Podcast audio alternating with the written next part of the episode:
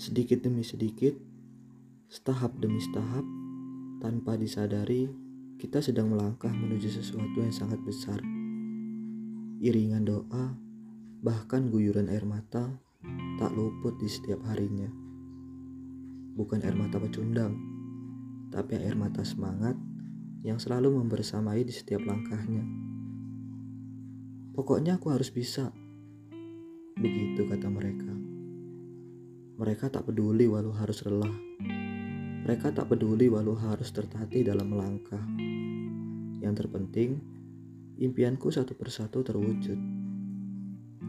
Iya, mereka itu adalah kamu, si pencicir langkah.